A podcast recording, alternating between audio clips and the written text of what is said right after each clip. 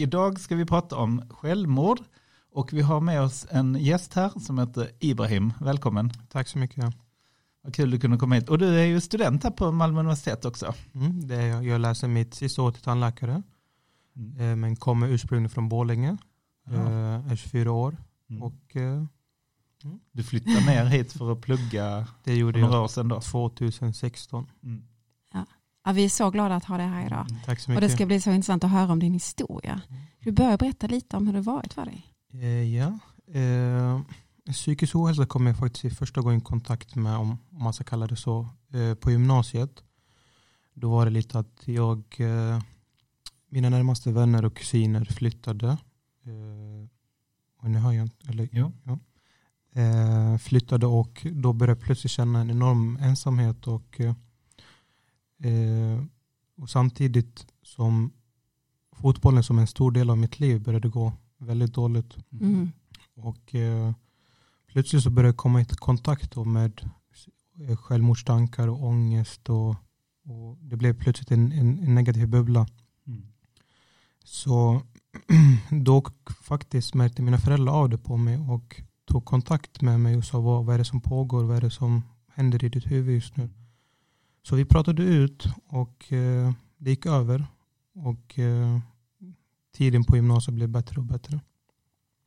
Så den gick över, eller det blev bättre utan att du sökte hjälp? Ja, eller att föräldrarna precis, uppmärksammade? Det, ja, det blev inte lite, alltså det var inte, det var inte så allvarligt om jag ska kalla det så. Mm. Men jag, självmordstankar var då mm. första gången. Du kände, det, jag kände det fanns med då? Precis under gymnasiet. Mm. Och sen, jag tänker det här med att vara självmordsnära, var det någonting som du har förstått efteråt att så, så var det för mig då? Eller förstod du det också då när du var i det? För du var ju, tänker 16 är man ganska ja, ung också. Ja, in, inte riktigt faktiskt. Jag, jag, alltså jag, jag var lite i chock. Jag tänkte vad är det som, vad är det som pågår i mitt huvud? Vad, vad är det som händer? Vad, vad, vad känner jag just nu? Vad, vad, vad, är, vad är det för känslor jag har? Mm. Och eh, jag, men jag sa det inte till mina föräldrar på det sättet. Jag sa typ att det, jag mår dåligt på grund av det här. Jag nämnde inte typ att jag vill inte, jag vill inte leva, jag har, jag har ingen livslust. Nej. Det var inte den, eh, jag var inte stark nog faktiskt. Nej, och jag tänker att det kanske ofta är så det kommer ut. Att det kommer ut som någonting annat mm. eh, och sen så ligger mycket saker under ytan. Precis. Ja. Mm. Så när flyttade du? Du flyttade till Malmö efter gymnasiet direkt? Det eller gjorde hur? jag. Ja, tanken var att jag skulle ta ett halv, halvår sabbatsår, eller ett halvår ledigt. Mm. Eh, men jag var reserv på på tandläkarutbildningen här i Malmö. Så efter en vecka så ringde de och sa att jag hade blivit antagen och fått en plats. Jaha. Så det var... Snabba ryck. Det var, de ringde mig faktiskt på fredag. Eh, jag hade börjat jobba och allting och, och bestämde mig för att ta ledigt ett halvår. Och sen ringde de på fredag efter mitt jobb och sa att jag fått en plats. Och eh, det var väldigt chockerande. Jag visste inte vad jag skulle säga. Och jag pratade med mina föräldrar och med, med mina bröder och de tyckte att jag skulle åka. Så. Kastade ner till Malmö då? Precis, jag eh, fick samtalet på fredag och åkte på söndag. Oh. Så det var snabba tag. och det här med att börja när man blir reserv, var lite, alltså man är inte lika förberedd som de andra. Så var, det, var det tufft att komma in det i var, det? Det var jättesvårt och det var jättesvårt framförallt mentalt uh, uh, att komma in i det hela. För man, Alltså sju timmar bort är inte enkelt och man lämnar sin familj och man lämnar sina vänner och man fick lämna fotbollen som en enormt stor del av mitt liv. Mm. Kände du någon alls här nere eller du var hem? Ja, nej, jag, kände, jag har några kusiner här eh, och sen har jag min morbror. Mm. Eh, det var jättebra för annars hade... Jag tänkte att landa någonstans liksom hos någon. Som ja, annars hade det varit liksom. jättesvårt. Och hitta någon fot, om du säger fotbollen, man tänker att det finns överallt men det är inte så enkelt kanske bara precis, byta lag eller hitta något. Eller hur gick det? Det, det var inte så enkelt. Jag, eh, I det laget jag spelade i Borlänge så var jag, jag kände enorm trygghet och vi alla var som bröder. Och, och, eh, men samtidigt är som tandläkarutbildningen är en, en tuff linje och det är enormt tidskrävande och eh, man får lägga ner mycket tid och, och plugg och mm. det blir svårt att tänka på något annat. Mm. Mm. Så du slutade med fotboll? Jag slutade med fotbollen. Mm. Jag tänker att det blir just de här stora skillnaderna. Alltså ny stad, nya områden. Alltså, det blir mycket nytt. Det blir väldigt mycket nytt. Och det känner vi igen många som flyttar hit. Att man en sån grej, kanske fotboll eller jag har en häst eller jag har någonting, ett sammanhang där jag är så kommer jag till ny stad och så hittar man inte det. Eller Precis. man tänker jag har inte tid för jag ska plugga. Mm. Så det är, väldigt, det är en ganska vanlig Precis. beskrivning. Hur, ja, hur var det då? Hur gick det sen när du pluggade? Då? Du, ja, alltså all, alla hade ju börjat redan. De hade gått vad blir det, en, en två veckor och jag kastades, jag kastades in i det hela och jag kände ingen. och det blev lite att man, man gick till skolan, gjorde sin grej och kom tillbaka. Gjorde ingenting hemma. Eh, på helgerna kunde det bli, kunde bli att man, man gick ut med, med kusiner eller med, med, med min morbror och eh, tränade eller, eller handla eller gjorde något annat. Men det blev inte så mycket det, det första halvåret. Att det var väldigt, väldigt svårt att, att skaffa nya vänner. För jag är, som person är jag väldigt tillbakadragen och, eh, och det, det, blir så att jag skäms att ta det första steget. Mm. mm. Så du kanske behövt det här fotbollslaget eller något jag annat. Jag tänkte precis säga det här fotbollslaget hade behövt flytta ja, med det ner från målning. Ja, verkligen. Ja, men det, Många, alltså det är så för många att man mm. behöver något sånt sammanhang. Precis, precis. Ja och nys. Alltså, jag faller tillbaka på det ofta. Men det är ju många som just flyttar till den staden de ska mm. studera i. Och just att vara i en ny stad. Att inte, ja, men det finns inte det här naturliga att man vet var allting ligger. Eller var jag precis. kan gå någonstans. Eller de härliga promenaderna. Eller vad man nu liksom letar precis. efter. Ja. Jag hade varit i Malmö tidigare några gånger innan jag flyttade ner. Men det, jag kände inte igen staden. Det blev en helt annan grej att, att flytta ner än, än att komma hit på besök. Mm och såklart man kan ju säga att man, det finns ju flera andra fotbollslag som är mycket bättre kanske och har den här tryggheten som, som jag kände att jag hade. Men som sagt, jag, det, det, det är väldigt svårt för mig att, att ta ett första steg och för att jag är så, så tillbakadragen. När började du liksom känna att nu, nu börjar det falla tillbaka mm. gamla mönster? Eller nu, precis, när, när liksom... precis för det, det, är lite så som du beskriver att jag började få en, någon form av flashback. Att, att nu, nu börjar ångesten komma, nu börjar självmordstankar komma. Ehm, det var lite faktiskt i mitten på första terminen så kände jag att nu blir, nu blir det för mycket här. Jag saknade min familj för mycket. Mina vänner, min fotboll, min stad. Mm. Ehm, då kände jag att okej, okay, nu börjar de här tankarna komma upp igen. Bod, bodde du själv då eller bodde du tillsammans med någon? Jag bodde tillsammans med min morbror. Mm. Och jag tänker att när du, och det är ju en annan sak att bo mm. med, även om det är en släkting som Precis. du känner väl så är det ju inte dina föräldrar som Exakt. du hade funnit trygghet i tidigare och tänkt att men här har jag hittat en kommunikationsväg. Exakt. Det blir lite så och även fast jag är väldigt nära med min morbror och jag tycker om honom väldigt mycket och respekterar honom enormt mycket så, så blir det inte att man vill, man vill inte vara för mycket för någon och eh, och känna att, att, att man är där hela tiden. Mm. Men jag bodde där första halvåret och sen så flyttade jag ut och bodde själv. Eh, eh under, under vårterminen. Mm. Och eh, det var skönt och, att komma ut och bo själv men psyk, eller psykiskt och, och mentalt så blev det bara värre. Mm. Ja, det är ju ingen som ser mm. på det sättet. Det är lättare att vara liksom bakom slutna. Mm. Och jag, jag är en sån person också som jag jag vill inte dela med mig av mina problem för att jag vill inte att då i alla fall, för då vill jag inte att folk skulle tycka synd om mig eller att mm. okej, okay, han har kommit hit och, eller, och, och, vill dela med sig av sina problem. Att det går säkert att lösa, tänkte de. Men...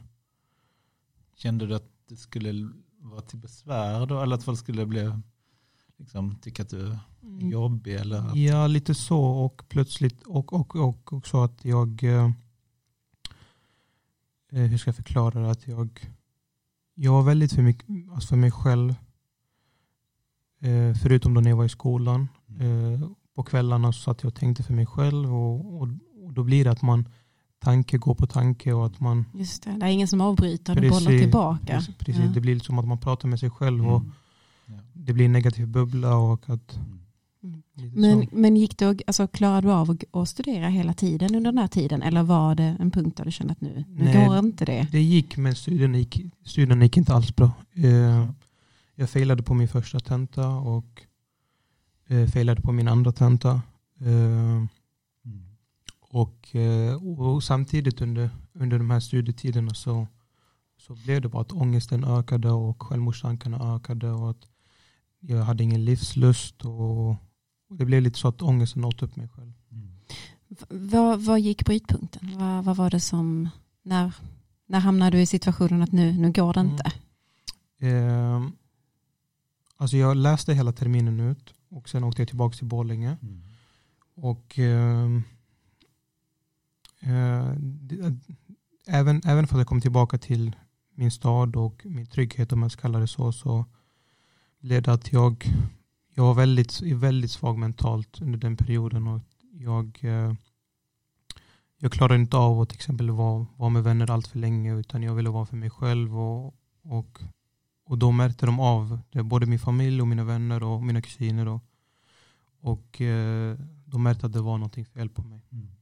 Och då tog min pappa tag i mig igen.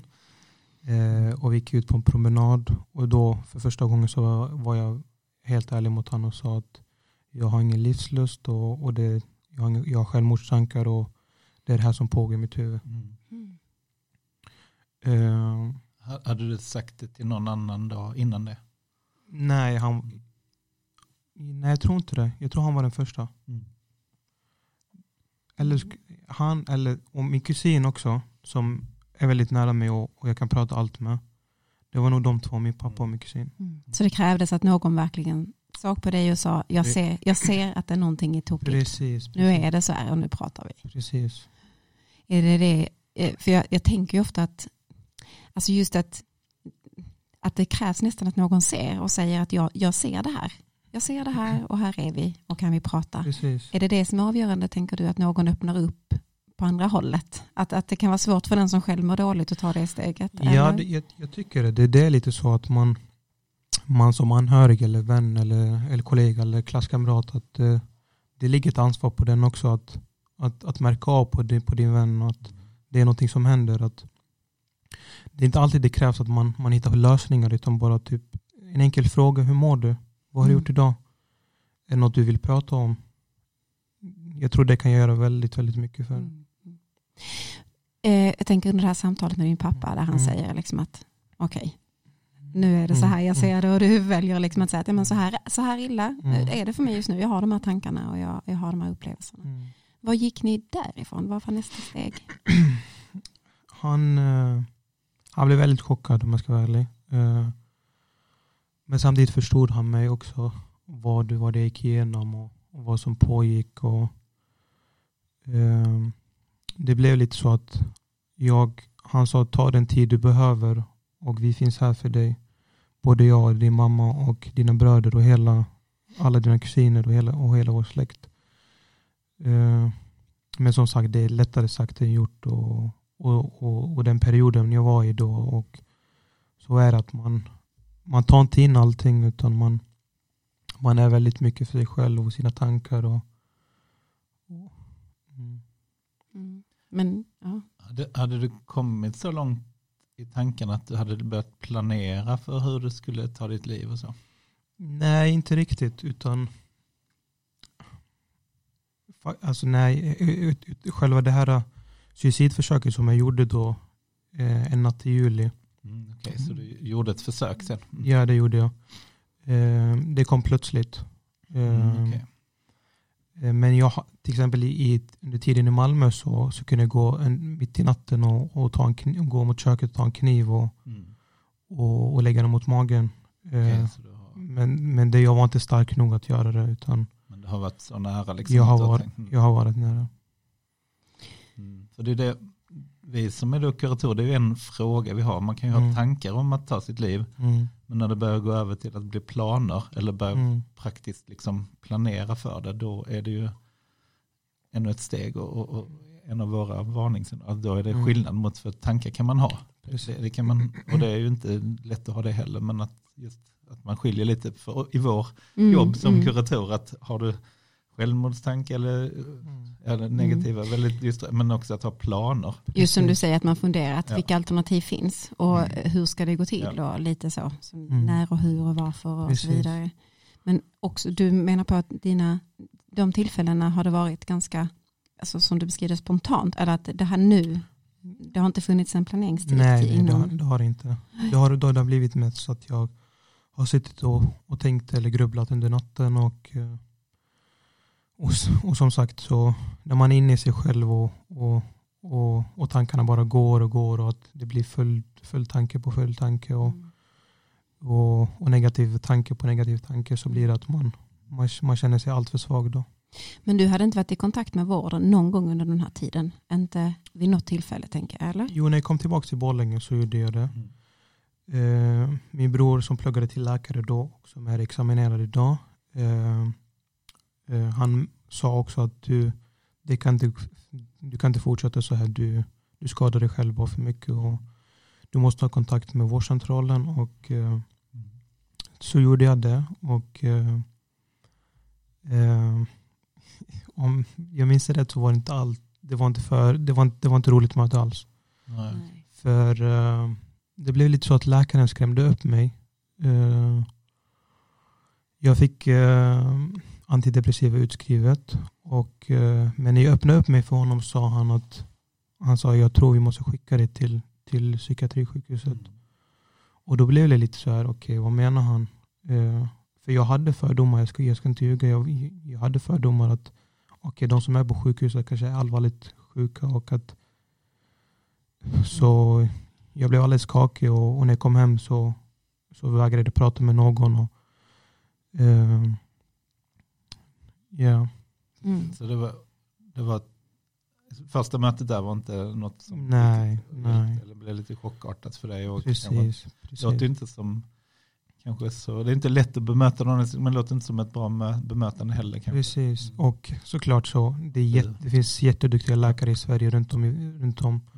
Så det är Och- väldigt, Ja, jag tyckte han gjorde ett misstag där och, och, och det tyckte även min bror som, som då pluggade till läkare att han, han hanterade det på, på helt fel sätt. Och jag vet inte om han förstod mig fel eller om bara Mm. Så effekten, det blev en motsatt effekt. Det Han, blev det. Tanken var att han skulle hjälpa dig men det var inte så du upplevde det. Precis. Men du började an- äta antidepressiva. Det gjorde jag. Och, eh, eh, ja, han förklarade också för mig att man kan må, må mycket sämre under Ja. de här första, dag, första dagarna. Och, eh, det gjorde jag. Och som sagt blev det bara värre och värre i, i, i, Mm. för varje dag som gick. Men vill du berätta någonting? Du sa du gjorde ett suicidförsök den sommaren då. Absolut. Mm. Jag, eh, det var den 21 juli. Eh, Så jag kom hem en kväll. eh, Gick upp direkt till mitt rum och satte mig på sängen. Och, eh, och så började jag kolla lite på mobilen och, och samtidigt så hade jag negativa tankar i mitt huvud. Och, eh, av, och, och samtidigt en, ingen livslust av att leva och, och jag såg ingen mening med, med det. Och, och så började jag söka på mobilen och att eh, enkla eh, eh, icke-smärtsamma sätt att ta sitt liv på. Och då kom det här med tabletter fram. Mm. Och så kollade jag ut mot, mot bänken där jag hade lagt alla mina tabletter och, och såg dem. Och då blev det ty- typ någon form av eh, tanke som kom upp i mitt huvud. Okej, ska jag göra det nu? Mm. Eh, och så blev det att jag åt massa tabletter. Mm. Och så reagerade min kropp på det värsta tänkbara sätt jag har varit med om. Fick en panikattack, började skaka, frysa, eh, spydde. Och plötsligt allt så kom mina föräldrar upp, i- upp i mitt huvud att okej, jag har sett dem för sista gången i mitt liv. För de var inte hemma den kvällen. Det var bara jag och min lillebror som var, var på, på bottenvåningen. Eh, och så ringde jag min storebror som var ute tillsammans med några kusiner. Och eh, han märkte direkt på min röst att det var, det var, det var någonting som inte stämde. Så Mm. han kom direkt hem och körde mig till sjukhuset. Mm.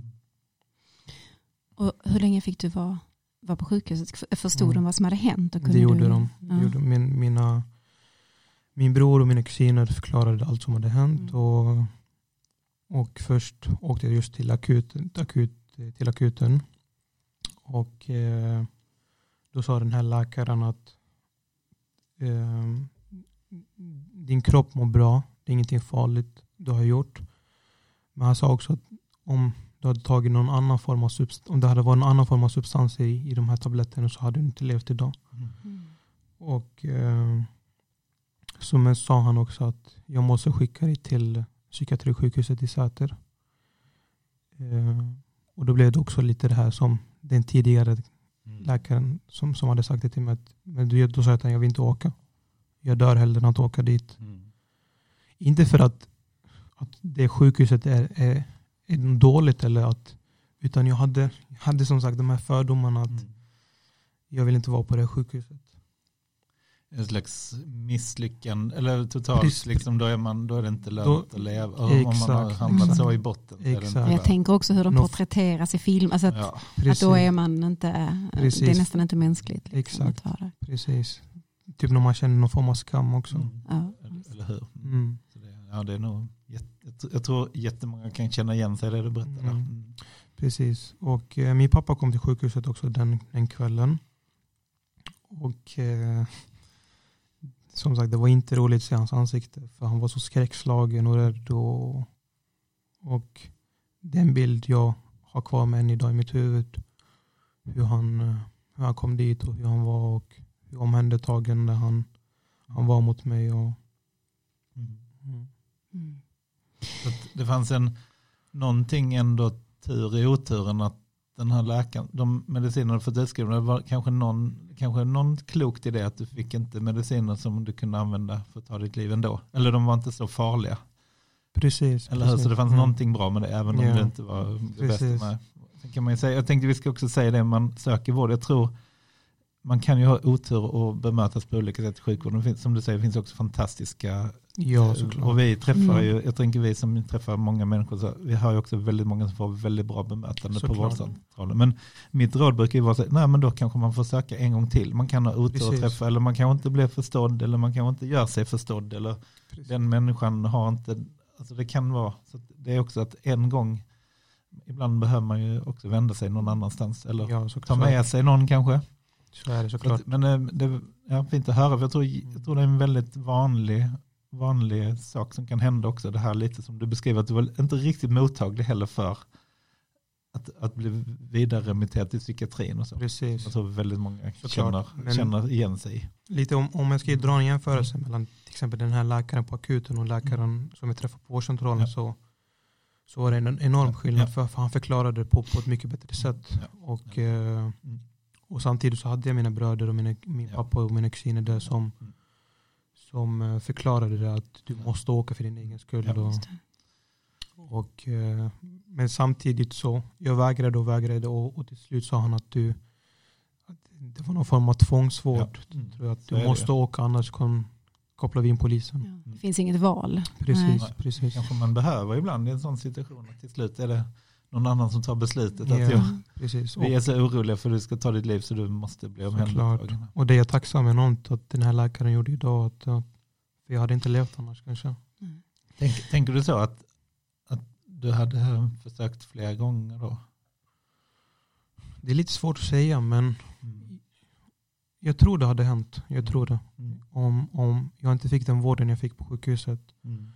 Och eh, det enorma stödet och, och, och kärleken och, och det, enorm, det omhändertagande mm. jag fick av, av min familj och mina kusiner. Mm. Det, jag tror inte jag hade klarat mig.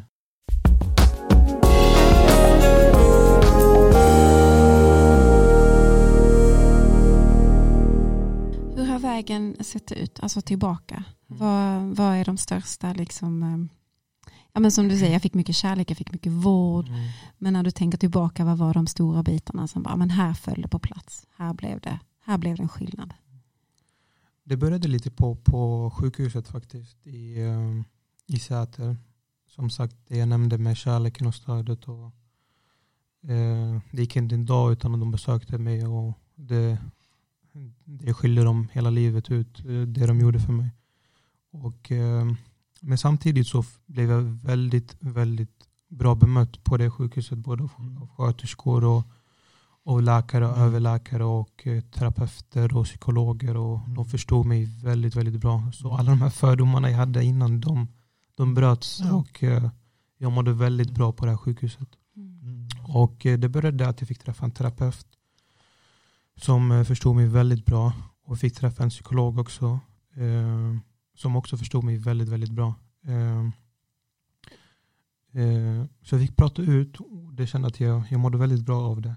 Eh, så det var lite det jag kände att vändpunkten var faktiskt. att mm.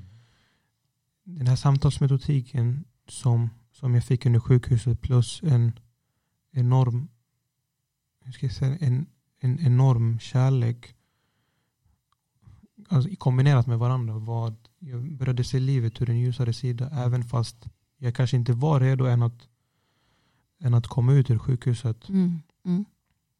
Eh, vilket jag gjorde efter två veckor. Eh, och jag minns väldigt väl att jag vägrade. Jag ville inte komma ut.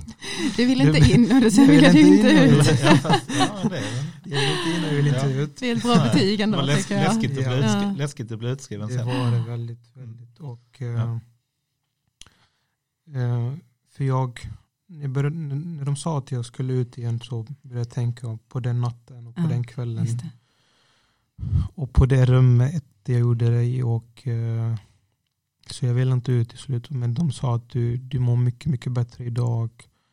Vi kan inte ha kvar dig här. Att det, det finns andra som behöver vård. Och, mm. eh, så jag kom ut. Och eh, det var inte roliga det var inte roliga första dagar där hemma utan varje kväll så fick jag en panik, panikattack och eh, gick, till, gick till toaletten och spydde varje kväll. Och, för jag blev påmind om, om den kvällen. Och, men du, fick, du hade kvar dina kontakter, tänker jag, psykolog och alltså fick du fortsätta? Nej, nej, och där känner jag när jag, när jag tänker tillbaka på det att, att det kändes som att jag fick ta egna initiativ och ah, eh, okay. själv typ söka vårdcentralen och själv söka en ungdomsmottagningen. Eller, mm. eh, lite där tycker jag att det, det var väldigt dåligt av dem. Mm. Ja, för det känns ju som en logisk följd kanske att man Precis. har kvar någon typ av, av, kontakt. Så det blev lite att jag, eh, jag, fick, söka själv, jag fick själv söka upp en terapeut mm. Eh, på vårdcentralen och, eh, och så träffades vi typ en gång i veckan. Men jag kom ingen vart. Jag, jag kände att det var, inte, det var inte den här hjälpen jag fick på sjukhuset. Och då, det kändes som jag, jag kände mig besviken eller mm. typ inte, inte väl omhändertagen. Mm på, på samma sätt som jag känner under tiden i sjukhuset. Mm. Så när jag, när jag tänker tillbaka på det så, så tycker jag de, mm. de misslyckades lite där. Då. Okay. Hur hittade du någonting? hittade du någon annan mm. hjälp då? Eller hur, hur gjorde du då? När du, då du varit utskriven och du vill ta tag i det här och Precis. du hittar inte något först. Och hur gjorde du då? Uh, jag tog själv kontakt med eh, en psykolog i, Uppsala mm. Eh, och pendlade eh, faktiskt okay. mellan Borlänge och Uppsala. Och, oh. det, nu när jag tänker tillbaka, tillbaka på det så var det värt alltså varenda, varenda tågresa och varenda minut. Och, wow. du, du hittade det liksom det på jag. egen hand? Mm. Min kusin spelade fotboll i, i Uppsala då så det var inga problem med boende. Jag, mm kunde åka på söndag, sova hos honom och, och träffa psykologen på måndag. Fick du betala det eller fick du det via sjukvården? Nej, det var privat så jag fick betala själv. Oh, ja. Och, eh, Men det känner du att det, det, det, var värt? Det var värt varenda öre och, och mm. varenda, som sagt, varenda slit och varenda tågresa. Och för, redan från första mötet kände jag att vi klickade väldigt bra. Mm. Han förstod mig väldigt, väldigt bra och han förstod mina problem och, och vilka besvär jag hade. Och, eh, så det var väldigt, väldigt bra samtal jag hade. Så det du beskriver här, att ge inte upp, att om man inte hittar en terapeut eller inte hittar den vården, och ibland är det ju så, att fortsätta. Det finns Precis. faktiskt andra jag kan Precis. Men det kräver ett initiativ såklart och kräver uppbackning såklart. som du hade där. Jag, precis, jag tänker att man kanske inte orkar dra i det själv. Mm. Liksom, men nu, och nu tänker jag att nu, nu har du ju, nu har du ju yeah. varit ganska så drivande själv. Men att man kan ta hjälp av folk runt omkring mm, Precis, för det var lite att oktober den alltså samma, samma, samma år som jag hade det här suicidförsöket, 2017, så, så började jag få de här tankarna tillbaka. Jag hamnade i en, i en, i en negativ motgång. Mm. Eh, varför minns jag inte riktigt, eller jag vet inte faktiskt. Utan det kan vara så att jag mm. var jag var inte stark nog än. Men då faktiskt var jag väldigt ärlig mot min pappa och sa att jag vill att du kör mig till sjukhuset. Eh, jag är rädd att tappa kontrollen precis som det hände i somras. Mm. Han gjorde det faktiskt och som sagt igen blev väldigt väl bemött igen på sjukhuset och jag tillbring, tillbringade där några dagar och sen kom jag ut igen.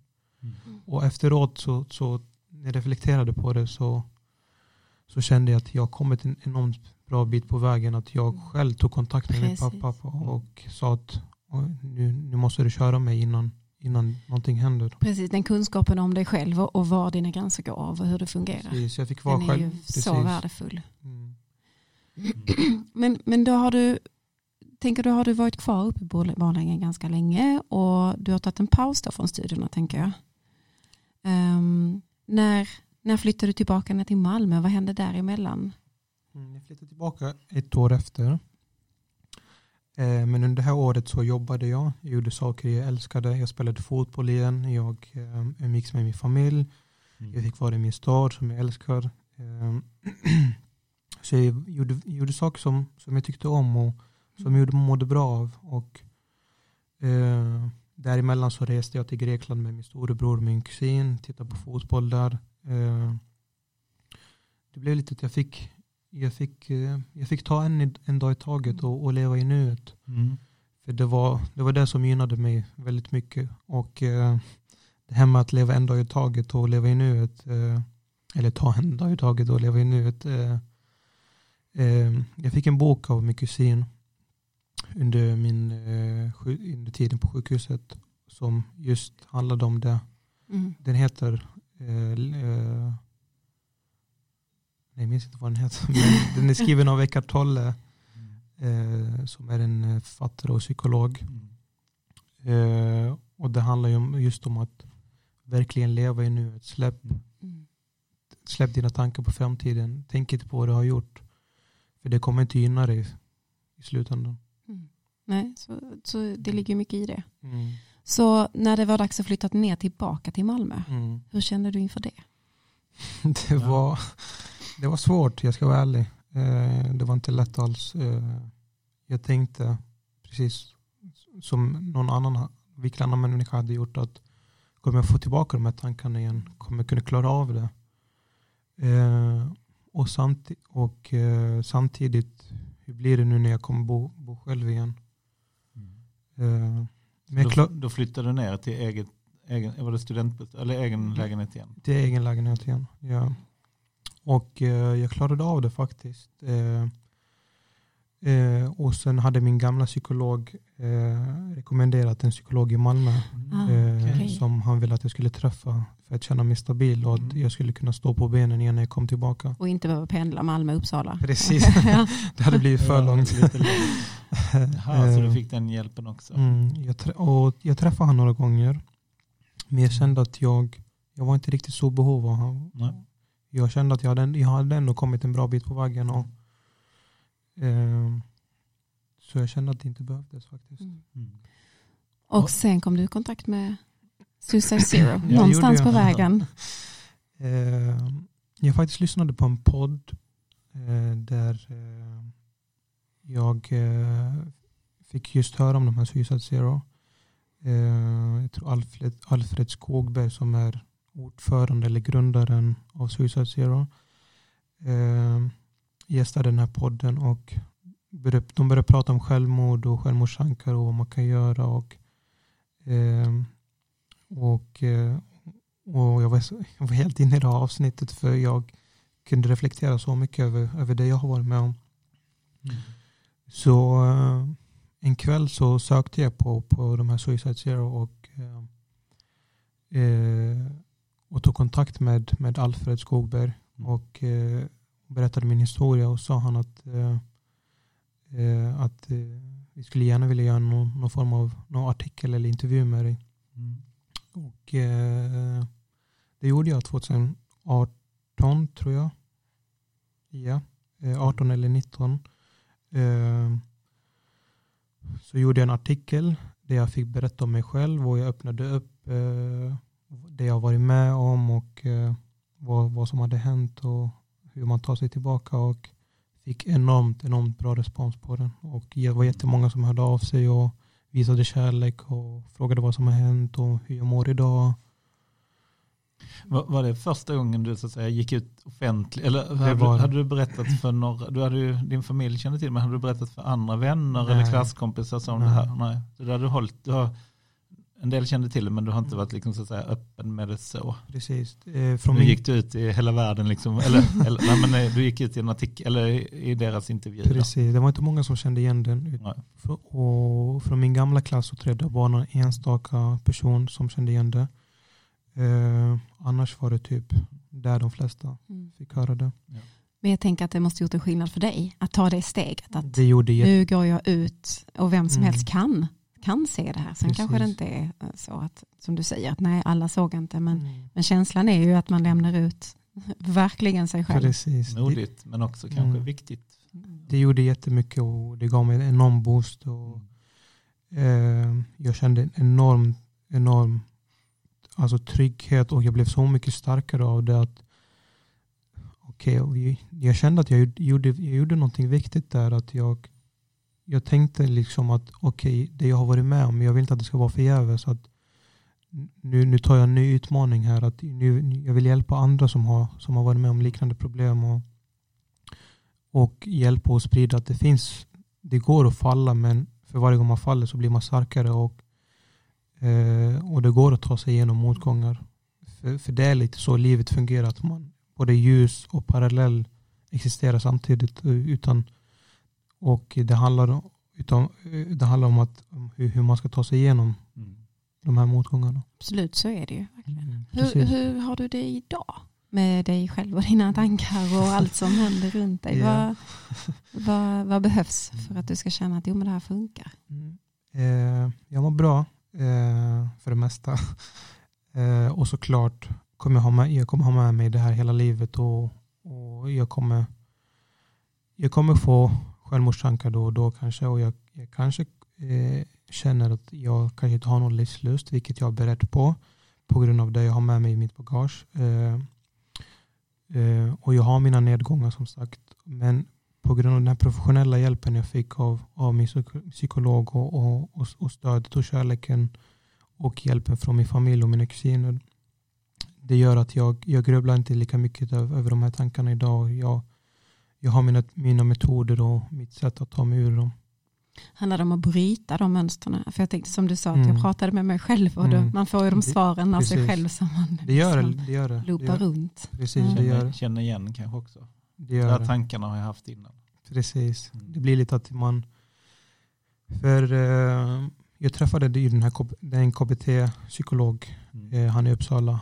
Eh, mitt största problem var att, liksom att jag, eh, jag tänkte för mycket på den kvällen och, och eh, av det som hade hänt och, och själva, själva det här suicidförsöket. Och det fick, jag fick väldigt mycket ångest av det och, och eh, mådde väldigt, väldigt dåligt. Eh, och samtidigt så kunde jag inte gå upp till mitt rum ungefär i sju, åtta månader. Vi, levde, ja, vi, levde, vi hade två våningar.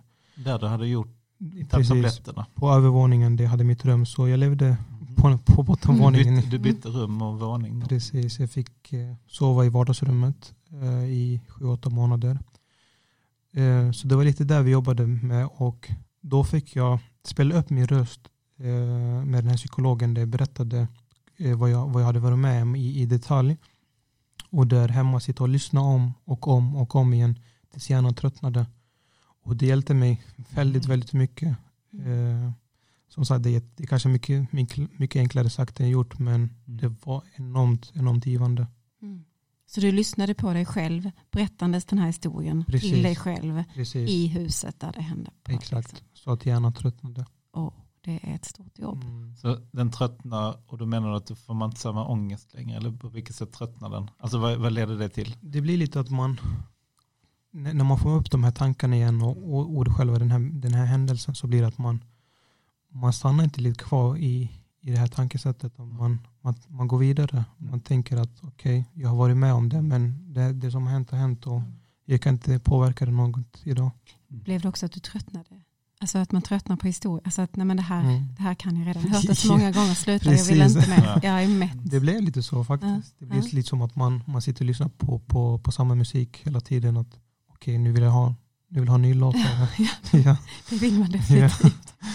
Det är väl ett sätt när man, om man håller på att grubbla mycket och har mycket negativa tankar, att man lite som du säger att kanske komma fram till och känna igen, ja men de här tankarna har jag haft, jag behöver mm. inte lyssna på dem lika mycket eller hålla på och ägna mig åt dem lite. Alltså det är ju lättare sagt än gjort. Men jag menar, det är väl lite så vi pratar om, om tankebanor också. Att jag, jag, kanske känner igen och jag behöver inte gå in i den här loopen av det. Nej. Jag kan ja, välja faktiskt att tänka på något annat. Mm. Eller känna igen det här. Det, det behöver, alltså nu, jag vet att det är så lätt att säga men svårt att göra när man mår dåligt. Men alltså att liksom ändå känna igen det kan ju vara ett steg. Exakt. Och sen kanske faktiskt, ja, de här har jag tänkt på ut och in och Precis. ältat den historien mycket. Exakt. Jag behöver så, inte göra det denna dagen också. Exakt. För det är lite så hjärnan fungerar. Du kommer ha välkomnande tankar och, mm. och du kommer samtidigt ha ovälkomnande tankar som att och jag, eh, jag ser ful ut, jag är inte bra nog. Jag är inte, mm. Folk kanske tycker att jag inte räcker till. Eller, men det gäller att, att ta sig ur dem och, och, och, och vara sin största trygghet men samtidigt sin största kritiker också. Att mm. reflektera, okej okay, det här har jag gjort men det här kan jag göra ännu bättre och jag kan utveckla det på, på ett mycket bättre sätt.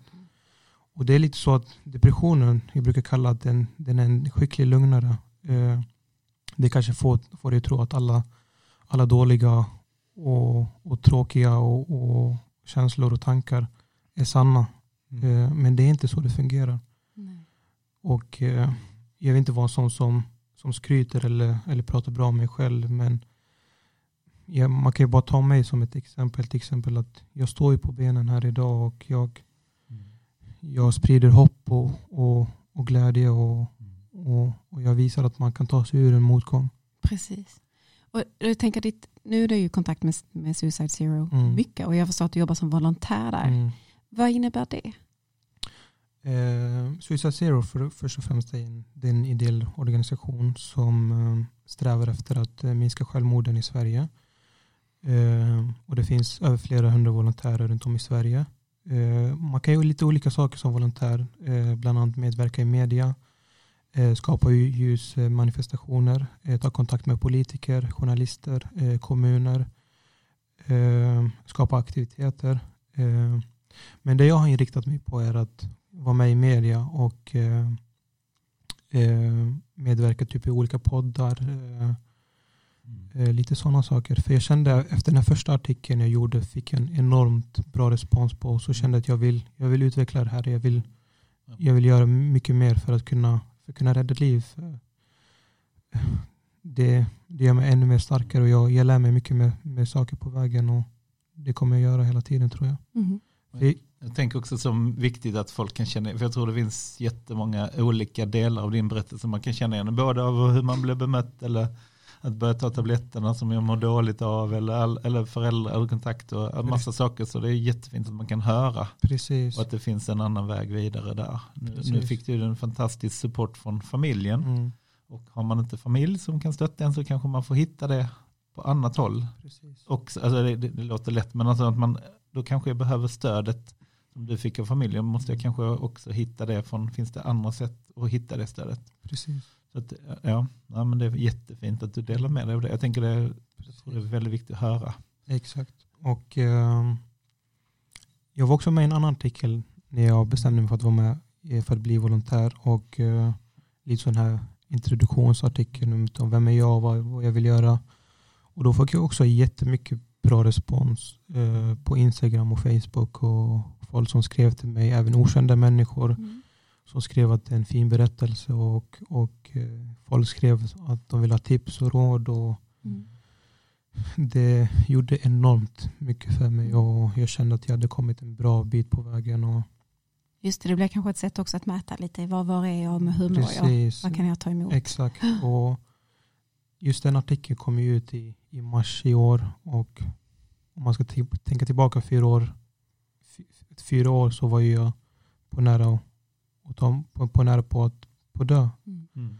Och idag står jag här på benen och, och, och kan göra det här. Mm. Och Jag tror det där gäller att man, man, man får inse att livet, livet är ingen dans på rosor som man säger utan det kommer finnas motgångar och det, det är så hjärnan fungerar och det är så vi lever och det gäller att hitta sina sätt att ta sig ur dem. Och som sagt, psykisk ohälsa det, det är ingen lätt grej och, och, det är ingen grej man ska bara prata bort utan man måste ha det på väldigt stort, an, an, väldigt stort allvar. Och, och genom att till exempel som jag gör, att prata ut i media, prata ut med andra om att vad, jag, vad jag har varit med om, sprida hopp, sprida glädje, eh, visa att det går sig att ta, att ta sig ur en motgång. Det, och det vill jag, jag vill att andra gör på liknande sätt. Att, man, att man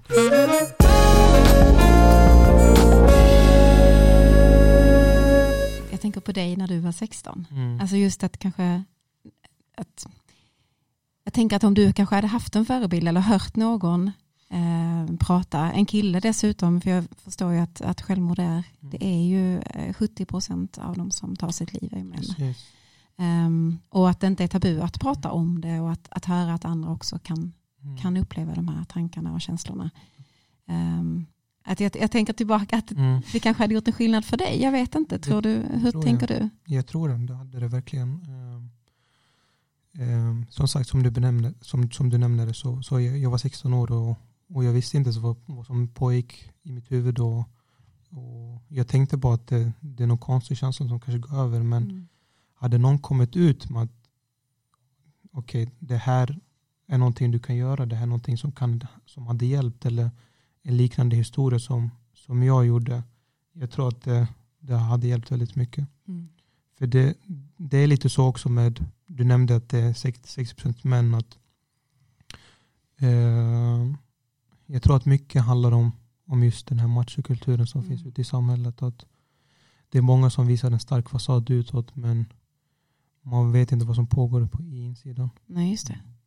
Att det är lite, alltså just, just grejen att man dessutom är kille, tänker du, har en stor, äh, spelar stor roll? Det gör det, det tror jag det gör. Uh, för just den här machokulturen som finns ute i vårt samhälle, det blir lite att man, när man mår dåligt så, så vill man inte att man vill, inte, man vill inte öppna upp sig, tror jag. Jag tror mm. man känner en, en, en rädsla eller en eller någon form av en otrygghet att, att berätta för sina vänner eller, eller för, för sin familj. För jag tror man kanske är rädd att, att bli, bli dåligt bemött eller att eller de här människorna ska ha olika fördomar eller eh, börja tänka konstiga saker. Eller man kanske förlorar sina vänner eller man kanske förlorar sitt jobb. Eller, eh, ja, jag tror det faktiskt. Hur, hur skulle du säga om, eh, alltså, om någon lyssnar här nu, om, om, man, om man är orolig för någon kompis eller mm. släkting eller någon i klassen eller en kollega eller någon, alltså någon man känner som man tänker den här verkar inte må bra eller mm. hur, hur kan man göra som, vad skulle du ge för tips eh, att man, om man är orolig över någon som man tänker man inte mår bra? Mm. Eh, jag skulle säga finns där för den här personen. Eh, prata med den här personen. Det är inte alltid man, man måste komma på lösningar för det kanske bara gör det värre. Mm. Man kanske väcker den här björnen som finns inom, inom eh, inuti. Eh, kanske dela med dig av dina egna erfarenheter. När kanske, människan kanske känner igen sig i det. Eh, och eh, ge den här personen bara tid mm. och trygghet för jag tror det kommer hjälpa precis på det sättet på det sättet jag fick. att De gav mig tid och de gav mig kärlek och de gav mig trygghet och, och det hjälpte. Du fick ju också, du sa ju det innan att du fick avbryta din studie. Hur var det att komma, alltså det här att det är ju något som vi möter att många är oroliga för att jag, mm. om jag inte gör klart studierna på tre år eller på mm. fem år eller på vad det är det ska ta så är det kört liksom och så. Men du har ju då fått um, Fick du läsa om det året eller ta om tentorna eller hur gjorde du för att komma tillbaka med studierna? Jag gjorde, det på en, jag gjorde de här omtentorna som, som jag hade failat uh, under det här året jag tagit ledigt. Mm, Okej, okay, så under det så du gjorde fast, du? Fa ja, fast i, i egen takt så jag kände ingen press ja. eller någonting. Uh, mm. Och sen så, så sa min pappa att du behöver inte känna någon, någon stress över det här. Utan plugget får ta ett, sju, åtta, till och med tio år om det skulle behövas. Ja. Huvudsaken är din egna, din egna hälsa och, och att du mår bra. Så, att du, så du tog fatt omtänd och sen började på på andra året. Mm. Då, ja. Yeah. Och det är väl bra att säga det, men för jag tror många är oroliga att man halkar ur, så, men det finns ju väldigt många möjligheter att ta, ta ifatt eller Mm. ta så det är, det är väldigt många studenter som gör så. Precis. precis som man- du att man- säger, att, att liksom, det, utbildningen fortsätter och Ja. fortsätter och Mm. fortsätter. Chanserna kommer. Ja. Precis. Ja. Det är Det bra med det. vårt system. Men jag tror många är oroliga för det. Att man, om man hoppar man ur, eller halkar man ur där så är det kört. Så. Men det finns ju så många sätt att komma ifatt och man kan läsa på, ja, komma ifatt. Så det är bra. Precis. Jag, tänkte på vad, vad, um, om, om man då som du hörde av sig, visst, visste du om, alltså på gymnasiet så pratade du med föräldrarna men det här att Visste du om att det, det, det verkar inte, eller visste du om att det fanns liksom hjälp, alltså så som du sa nu, barnpsyk eller här finns studenthälsa, det finns liksom sådana linjer eller sådana liksom mind som är en dygnet runt linje. Alltså Nej, det visste du inte att det fanns? Nej, Nej, jag, jag misstänkte det. faktiskt inte. Eh, Det är också en sak att bara berätta att det finns faktiskt saker man kan precis. kontakta. Jag tror det här alltså det hade hjälpt väldigt, mycket av att träffa en kurator eller, eller en, en terapeut som, som är från skolan. Men det visste jag faktiskt inte. Eh, Nej. och, eh, eller så var jag faktiskt inte stark nog att ta kontakt Eller- eller, eller, våga göra det. Jag tänker också precis att man, att man måste också veta att det är en möjlighet. Precis. Alltså man kanske har hört att ja, det finns en kurator på skolan. Ja, Mm. okej. Men, men därifrån till att tänka att det är nog jag som ska söka Precis. upp här. Precis. Eller det här det kanske hade varit en bra idé. Ja, precis. Det är en helt annan sak. Ja, det tror jag. Ja. Och jag tror att alltså, nu om man ska ta andra skolor eller, eller gymnasium eller, eller grundskolor så, så tycker jag att ett stort ansvar ligger där att, att de här kuratorerna eller lärarna ska, ska ha kontinuerliga samtal med sina elever och, och där, de ska, där de här eleverna ska få berätta hur de mår och, och vad de känner och om de har något problem på fritiden. För, för jag tror det hade hjälpt väldigt mycket av att, av att sitta någon gång i månaden eller någon gång i veckan och prata ut bara. Kolla av och screena. Liksom, Precis, precis. Och det jag tänker där, där krävs det också en väldig trygghet. Som, alltså att man har relationer och att man ehm, för att våga det. För det, det ska mycket till liksom, att våga öppna upp. precis. Jag tänker du, du gick ganska länge och det var inte egentligen inte förrän din pappa sa att nu, nu, nu räcker Precis. det här, nu tar vi en promenad. Precis. Som du vågade lyfta på det locket. Mm. Ehm, Så det är ju klart olika för alla hur, man, Mm, hur, hur nära man har det till Precis. att öppna. ja, Mm. så är det. Till exempelvis min, min gamla skola nu har, eh, har ett projekt om psykisk ohälsa och machokultur som, eh, som de eh, inför till sina elever Mm. och där de vill att jag ska komma och gästa och prata om det jag har varit med om. Perfekt. Ja, och bara en sån grej till exempel, det tror jag hade hjälpt väldigt mycket och eh, eleverna tror jag hade sett saker ur, ur andra perspektiv. Ja. Ja. Har du, har du hittat nu, har du pluggat flera år nu på, men har du hittat folk du känner i utbildning? Ja. För en sak som jag slog mig när du beskrev att första året så lät det väldigt ensamt också på utbildningen. Du sa att du var en person som inte hade så lätt att ta kontakt med andra. Så hur har det, är det något du har fått lära dig eller har det ändrats också med den här resan med psykisk ohälsa? Att du har, eller hur um, ser det ut för dig nu? Tycker du det är lika jobbigt eller har du lärt dig något sätt? Och hur, hur tar du kontakt med folk nu? Och hur har du lärt känna folk i utbildningen i så fall? Eh, Det är mycket, mycket bättre idag. Jag kom tillbaka till en, till en ny klass som sagt. Eh, Och eh, var, de var, den här klassen var väldigt välkomnande och, och, och, och tog hand om mig. Och jag började plötsligt kära- lära känna nya människor och, och nya vänner som jag har bra kontakt med idag. Jag, jag tänker nog också att de kanske välkomnar en. Du kanske också var öppen för det det. tror jag. jag. Ja. Mm. Ja, jag Mm. tror också jag tog Mm. jag blev mer öppen, jag tog nya steg och eh, jag lärde mig nya saker på vägen. Du kanske också, ja, nej, det vet man inte, men det är åt bägge hållen. Men jag tänker det är Mm. också en grej det här att vara ensam eller att inte känna någon och ta kontakt. Det är ju en som inte gör det såklart lättare att om man har jättemörka tankar och negativa Mm. tankar. Det Mm. gör ju verkligen det svårare. Precis. Som många studenter kämpar med, det vet Ja. vi. Det kan ju vara så viktigt att ingå i ett sammanhang. Ja, alltså eller så är det verkligen. Det får vi ha ett avsnitt om Det Karin, tycker jag ensamhet. absolut. för Och det- sammanhang tycker ja, och sammanhang, det är ju så viktigt. Och jag, jag, vet, Ja. jag blev ju väldigt berörd här när du berättade om det och fotbollen och allting. Men det är ju något som, ja, jag känner igen det jätteväl, det här att hitta någonting när man flyttar ner eller även om man Precis. bor kvar i stan men börjar på en ny, ett nytt steg i livet. Att hitta liksom, vi hör ju väldigt många som säger också att nu ska jag fokusera totalt på studierna mm. för att det tar så mycket och det är så krävande så därför slutar jag eller jag ska inte ha. Och så säger du nej nej, nej men, nu måste jag göra annat nej, men jag också. tror att det, här kan man ju säga att det, ja. det, det, behövs ju någonting ja. och sen om man har ett sammanhang i en familj eller om man bor i en boende i kollektiv så kanske det räcker. Men om man bor helt själv i ett mm. rum och det är som du också sa, det är så skönt att bo själv. Mm. Eller hur? Det är det kan ju. det också vara. Ja. ja men det är det ju. Mm, på många sätt. Mm. Men just när i det här fallet så då behöver man kanske också andra mm. stödjande grejer. Så Precis, det, men det är lite så att varje, varje människa är unik och varje människa ja, har, har sitt sätt att göra. Till exempel, Absolut. ska jag prata om mig själv så så hade jag mått väldigt bra av att göra det. För det blev lite så när, när jag var själv att ångesten bara åt, åt upp mig själv. Att mm. Det blev att jag, jag kunde få ångest för, för, för varje minsta grej jag gjorde. Att, ja. Och det blev lite att jag tappade min identitet. Att mm. Jag kände inte mig, mig själv i det jag gjorde. Och, mm. så, mm. Men varje människa har sitt sätt. Ja, som sagt, ja. Så är det verkligen. Mm. Vad, vad, gör du om du, vi, vi, ska snart sluta, men vad gör du om du får ångest? Något bra tips om man får ångest? För vi har pratat mycket om det, ångesten. Mm. Den, och det har vi vad är det man brukar säga, har man, om, om man inte har ångest så är man död. Alla människor har ångest på olika sätt. Mm. Sen är det inte alla som känner av det eller benämner det på det. Men om man får kraftig ångest eller mm. panikattacker eller ångest, för, vad, gör, vad gör man då? Eller vad gör du då?